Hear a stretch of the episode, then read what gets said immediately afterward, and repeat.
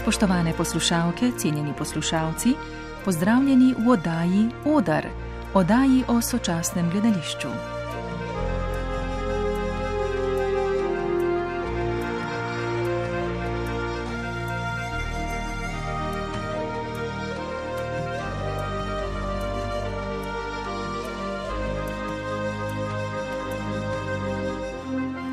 Ples je ena izmed najbolj starodavnih oblik gibanja. Že v tradicionalnih plemenskih kulturah so ga uporabljali kot povezavo z naravo in božanskimi silami.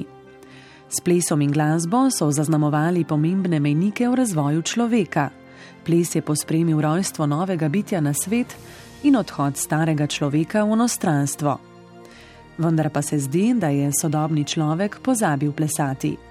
Naravno izražanje s telesom, prepuščanje impulzov ritma, raziskovanje svojega lastnega giba, vse to je postalo v vse bolj statični in zasedeni družbi prava redkost. Plešemo otroštvo in mladosti, potem pa večina izmed nas pozabi na ples.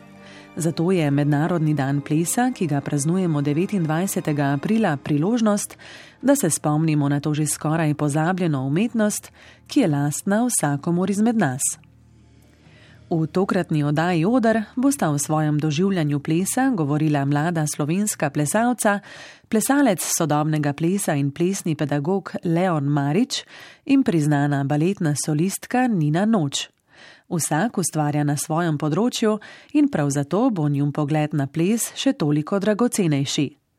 Najprej pa poslušajmo slovensko poslanico ob Mednarodnem dnevu plesa, ki jo vsako leto pripravijo v Društvu baletnih umetnikov Slovenije. Tokrat jo je prispeval Edi Dežman, baletni solist in pedagog, prejemnik Glazareve nagrade za življensko delo za leto 2021. Veliko krat je že bilo izrečeno in zapisano, da je ples oblika sporazumevanja in podajanja zgodb brez besed.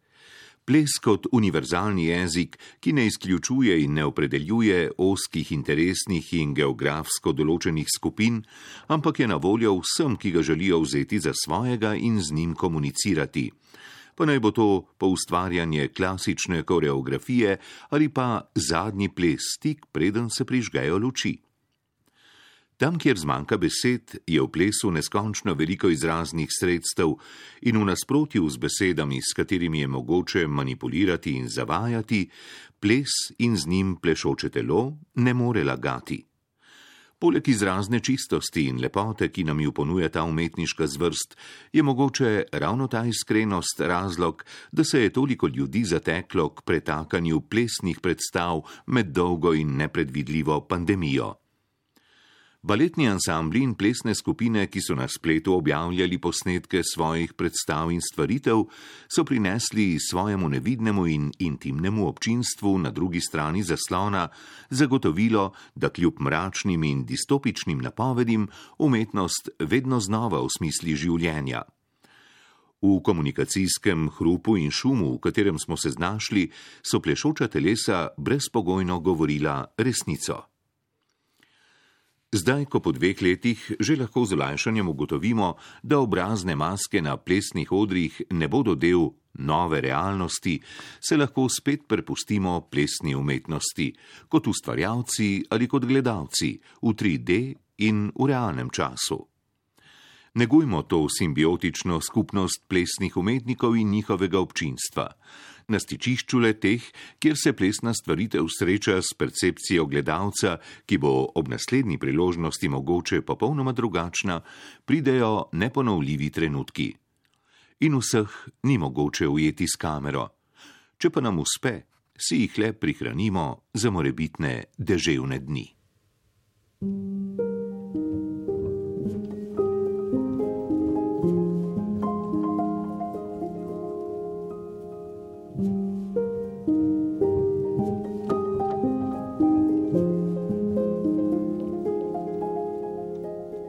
Kot rečeno, o svojem doživljanju plesa bosta govorila dva mlada plesna ustvarjalca. Leon Marič se je rodil leta 1991. Svoje plesne in umetniške interese je začel razvijati na umetniški gimnaziji v Ljubljani, na kateri je leta 2010 maturiral.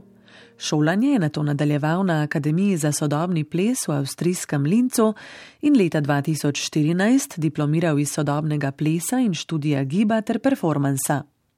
Kot plesalec je nastopil na različnih mednarodnih festivalih, kot so Impuls Tanc na Dunaju leta 2015, na Beneškem bienalu leta 2014 ter na festivalu Naulimic v Berlinu. Sodeloval je s številnimi priznanimi domačimi in tujimi koreografi, trenutno pa se posveča predvsem pedagoškemu delu in poučuje na umetniški gimnaziji. Leon Marič je povedal, da je na njegovo plesno pot odločilno vplivalo sodelovanje z italijanskim koreografom.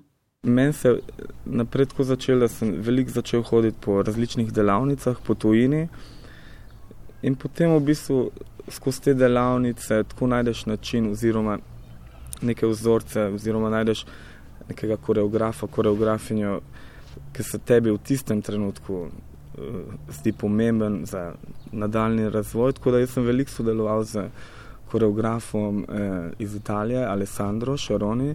Tako da on je potem tudi na nek način postal mentor oziroma nek idol, pa mogoče ta idol je imel preveč tako močna beseda za to. Z njim sem v bistvu začel gledati ples na čist druga, drugačen način, ker do konca študija nekako je v bistvu sem jaz dojemal ples kot forma, kot oblika, torej kot nek trening. Trening, trening, trening, vaja, vaja, vaja. In v bistvu, ker sem vstopil v proces z njim, sem spoznal, da obstajajo tudi zelo drugačni načini oziroma oblike plesa. Ne. Večkrat se recimo zgodi, da polke končaš uh, nek študij oziroma karkoli, delavnice, karkoli, pa vstopiš v proces, ti reče koreograf, koreografinja, a zdaj pa pozab, pozab vse, kar si se naučil in to je v bistvu ful težko. Ful težko je v bistvu spustiti neke navade. Tako da pri njemu sem v bistvu začel od začetka, tako recimo z zelo preprostimi oblikami plesa, torej naprimer, ne vem, hoje, oziroma full minimalno gibanje, ki je bolj temeljilo na nekem konceptu, je mogoče bolj šlo nek performance kot sam ples, ker v bistvu ples ima zelo različne oblike. Ne? Ni sam ples v smislu, a premikam se, torej premikam svoje telo, ampak je, ga lahko doživljaš oziroma razvijaš na več različnih področjih. Leona Mariča je od vseh plesnih zvrsti najbolj pritegnil prav sodobni ples. Zakaj ravno ta zvrst, kaj jo loči od drugih, katere so njene prednosti? O tem je plesalec povedal tole. V sodobnem plesu je prostor za improvizacijo, torej za to neko lastno razvijanje, lastno doživljanje, občutanje giba. Torej ni v smislu 1, 2, 3, 4, 5, 6, 7, 8, kot smo vajeni ampak se lahko oblika, torej forma se zelo spremenja.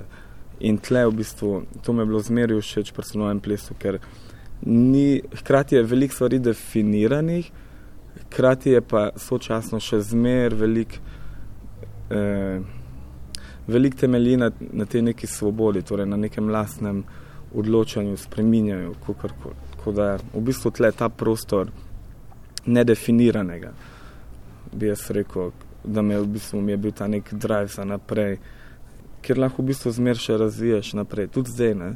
V bistvu vsakeč, ko grem v dvorano, poskušam čim bolj najti nek način, k, oziroma nečesa, kar se še nisem lotil. Torej, kako spremeniti gib, ki ga sicer poznam, ampak se ga lotiti na čist nek drug način.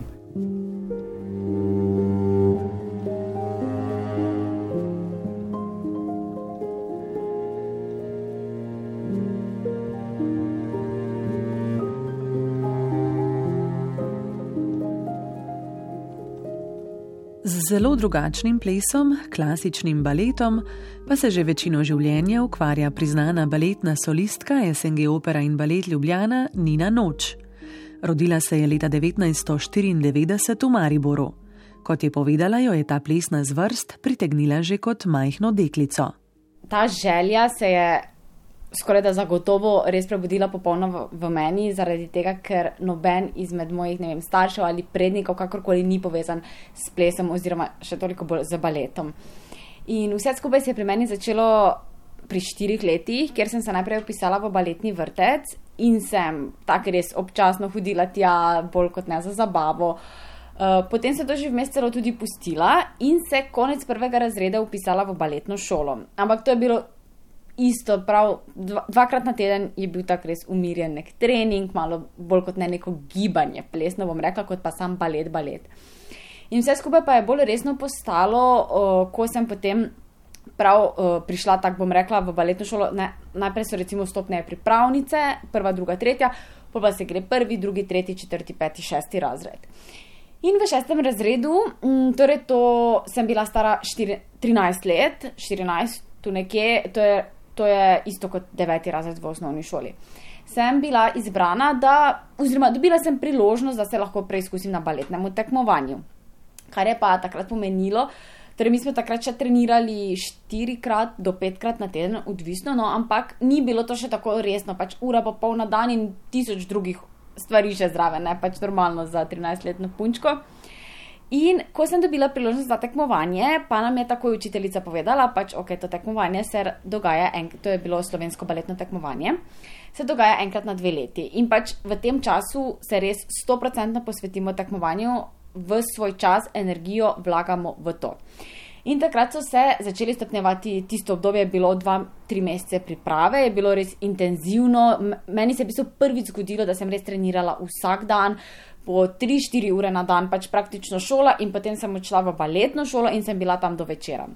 Tako da je bilo res, je bilo naporno in pač to moje prvo tekmovanje tudi. Pač Prišla sem recimo naprej, ampak nisem dosegla ravno nekega vrhunskega rezultata, ampak na vse skupaj sem gledala kot na nek pač celoten proces. Ne? In ko se je to zaključilo, smo mi šli potem nazaj v tisto našo staro ustaljeno rutino, ne pač trening, ura pa polno dan in to je to. Ampak jaz sem v bistvu takrat začutila, da ne glede na to, kako naporno je bilo, pa recimo tudi to je. Ker bom rekla, veliko dogajanja za neko tako mlado osebo, ne? tudi bom rekla na nek način en tak malo stres, ne, tak, toliko časa se pripravljaš na nekaj, potem pa stopiš tja na oder sam, ne, to je bilo tudi za me prvič, da sem res tako sama, sama imela variacijo na odru, ne, minuto pa pol in je bil kar tak, bom rekla, no, mislim, veliki dan. In potem, ko se je to zaključilo, zaključilo sem pač prav razmišljala, ne, da, da zdaj pa mi nekaj manjka, ne, da zdaj pa. Ne glede na to, da je bilo to naporno, pa da sem trenirala več kot kadarkoli do takrat v življenju, pa da potem čutiš tiste, tisto nervozo, bom rekla takrat, če toliko bolj, ker je bilo to vse prvič. Ne glede na vse to, pač mi je manjkalo nekaj, ne, sem si mislila, ne, jaz prav rabim ta nek adrenalin, to neko delo, garanje. In takrat mi je pravzaprav, bom rekla, jaz tega res ne morem pozabiti. Ampak takrat, ko bi neko spremembo, nek klik dobila v glavi in takrat sem ugotovila, da, da ne morem brez tega, da, da ne treniram, da ne garam, da bom rekla na nek način, da se ne počutim zvečer utrujeno od dela in potem na koncu seveda, da ne morem brez tega adrenalina in tudi pač te bom rekla zdaj že, ko sem pač profesionalna balerina, te zdrave nervoze in treme, ki jo dobimo pred predstavo. In um, dejansko tisto leto, bom rekla, ko sem dobila to priložnost za tekmovanje, me je nekako, bom, bom rekla, me je baletni svet potegnil vase in od takrat dalje si nisem predstavljala, da bi karkoli drugega počela v življenju. Nina Noč je leta 2013 z odliko končala izobraževanje na konzervatoriju za glasbo in balet in še isto leto opravila audicijo v SNG Opera in Balet Ljubljana ter postala članica baletnega ansambla. Od tedaj je plesala v številnih glavnih vlogah v predstavah Trnulčica, Hrestač, Labodje jezero, Pastoralna simfonija, Žizel, Veliki Gatsby in Gusar. Za svoje delo je prejela priznanje Društva baletnih umetnikov Slovenije in nagrado Lidije Vizjak. Leta 2021 pa je pridobila tudi naziv priznana baletna solistka. Pleše tako v klasičnih baletnih postavitvah kot v modernejših baletih. Kot je povedala, pa je še posebno naklonjena klasičnim predstavam. Nina noč. Vedno več je, eh, bom rekla, postavitev in tudi recimo želja koreografov, umetniških vodij, da se nek klasičen balet postavi recimo v današnji svet. Kar je vse super in lepo in pač prav je, da se razvijamo v tej smeri, ampak bom pa povedala, da po vseh svojih izkušnjah in pač po tem času, ko plešem že tukaj v Ljubljanski operi, na koncu uh, je publika, vedno bom rekla, imamo, vsaj v Ljubljani, imamo zelo tradicionalno publiko. In pač je tako, da klasične baletne predstave, oziroma baletne predstave, ki imajo recimo neko zgodbo, recimo Romeo in Julija, ali pa recimo klasičen, klasičen Hrestač, katerega bojo ljudje tudi, če so ga že 12krat gledali, ga bodo pa šli še 13. decembra. Ne? Um, in pač jaz mislim, da je prednost klasičnega, klasičnega baleta to, da ima to tradicijo in to čarobnost. Ker se mi zdi, da nekako pač vedno, ko nekdo pride na nek res klasičen balet, recimo in isto trenutčica, labode jezero, pač enostavno publiko odpeljemo v nek drug svet, se mi zdi v nek pač svet, katerega ni od zunaj. Naenkrat smo tam balerine v lepih bleščečih kostumih, ne vem, pred publiko se odvija neka ljubezenska zgodba, klasična glasba, recimo.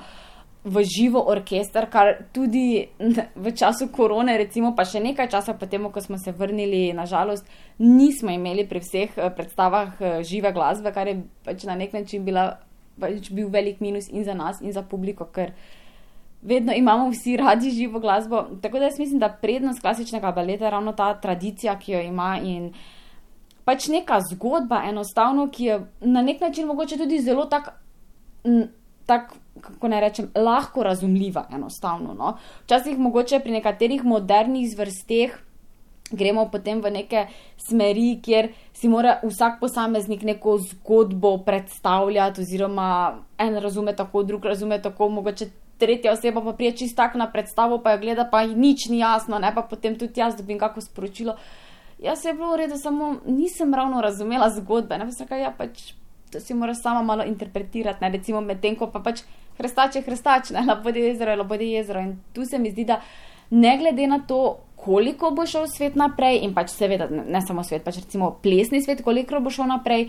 Um, da vseeno pač neka ta tradicija baleta in te klasike, te bom rekla bele klasike, bo vseeno ostala večno, no? ker publika res rada pride na take predstave.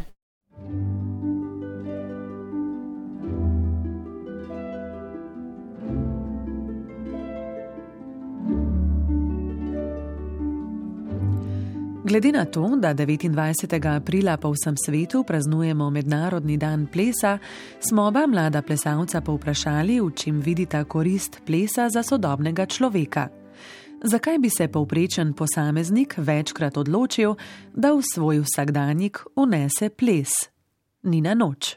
Vedno sem mnenja in to je zagotovo res, da pač če je vem, človek slabe volje, naj si da glasbo na glas in naj pleše. In naj bo zdaj to, ne vem, na tečaju, doma, kjerkoli. In zagotovo se bo oseba počutila bolje. To, to 100%, ker se mi nekako zdi, da. Mogoče je tudi to tako postalo v družbi, da smo ne vem, na nek način mogoče sramežljivi, pa zdaj, če se ravno ne ukvarjaš profesionalno z nečim, ne vem, plesom, recimo v tem primeru, ne, da ti je kar tako malo nerodno, pa ne, ne bom plesala, bom tu sedela, raje ne, ampak ni res, pač mislim, se na koncu koncev noben, recimo, če že samo tako pravim, če človek pleše za svoje lastno veselje in pač ne vem, sprostitev, noben ne bo ocenjeval tega plesa, kako plešeš, pleši tako, kot tebi paše in pač um, tudi tako, ko pomislim, ne.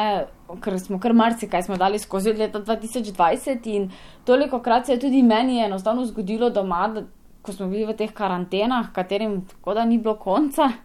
Ne vem, vsakeč se mi je zdelo, da nisem ravno mogla recimo plesati klasičnega, klasičnega baleta, ampak samo če sem si že dala neko klasično glasbo iz nekega baleta, ne, ne vem, na slušalke in sem mogoče jih toliko malo, bom rekla, na nek način zraven si ponavljala ali ne vem, z rokami ali kakorkoli in sem že bila boljša volja in se mi je zdelo, da sem enostavno dobila nazaj tisti svoj, bom rekla, tisto svojo pozitivno voljo, da bo vse v redu. Ne? In recimo, pač se ne pravi, da si mora dati človek baletno glasbo, pa balet plesati karkoli, katero koli glasbo, samo da, da se razvedri in ker zagotovo se bo, no pač ples se mi zdi toliko neke sproščeno, enostavno te ne vem, hormone sreče. Ne, človek se res čist prepusti glasbi in pleše.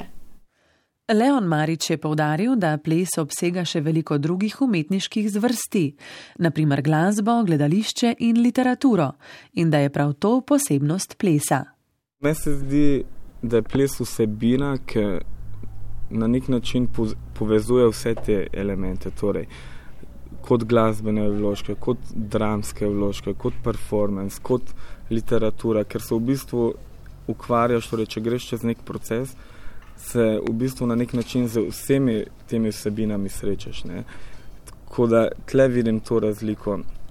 Ples ni v smislu, torej sodobni ples, če se pogovarjamo o sodobnem plesu, ni sam, da prideš, narediš material in greš dol, ampak v bistvu, ker se ukvarjaš torej z idejo, konceptom, v bistvu na nek način posežeš po vseh vsebinah, ki so nujne, torej do literature, do glasbe, torej vsebuje vse elemente znotraj njih, na nek način povezuje. Ne.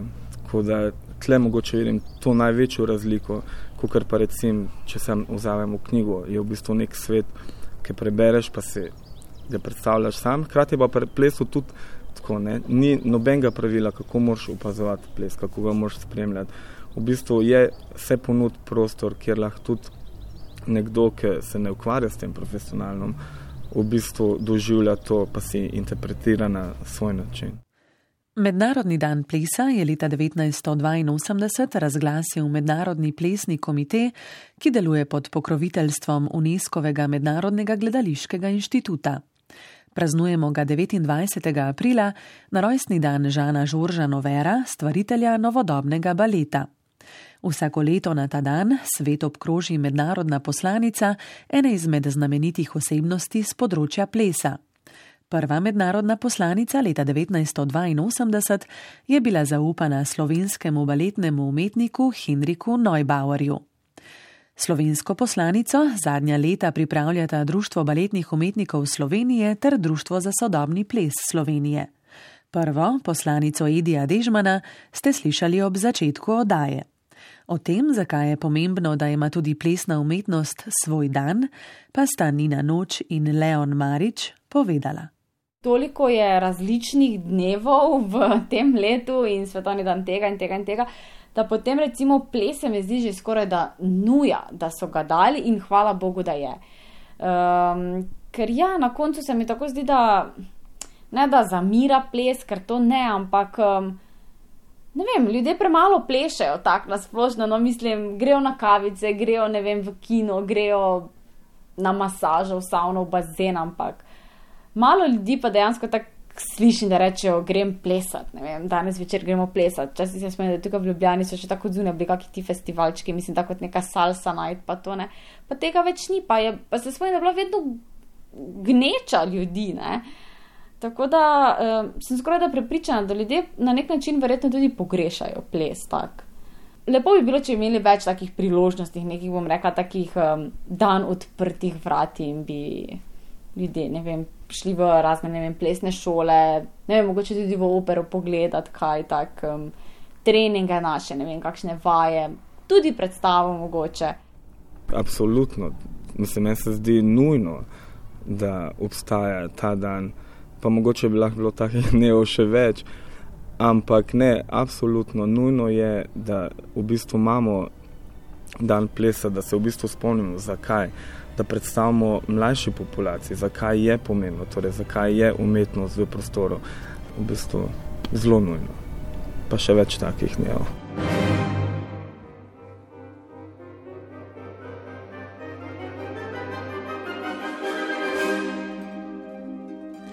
Drage poslušalke, cenjeni poslušalci, to je bila oddaja Odr.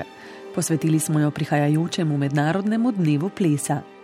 Oddajo sem pripravila in vodila Ana Rozman, bral je Jure Franko, za tonsko podobo je poskrbel Vojko Kokot. Hvala za vašo pozornost, prijeten dan še naprej.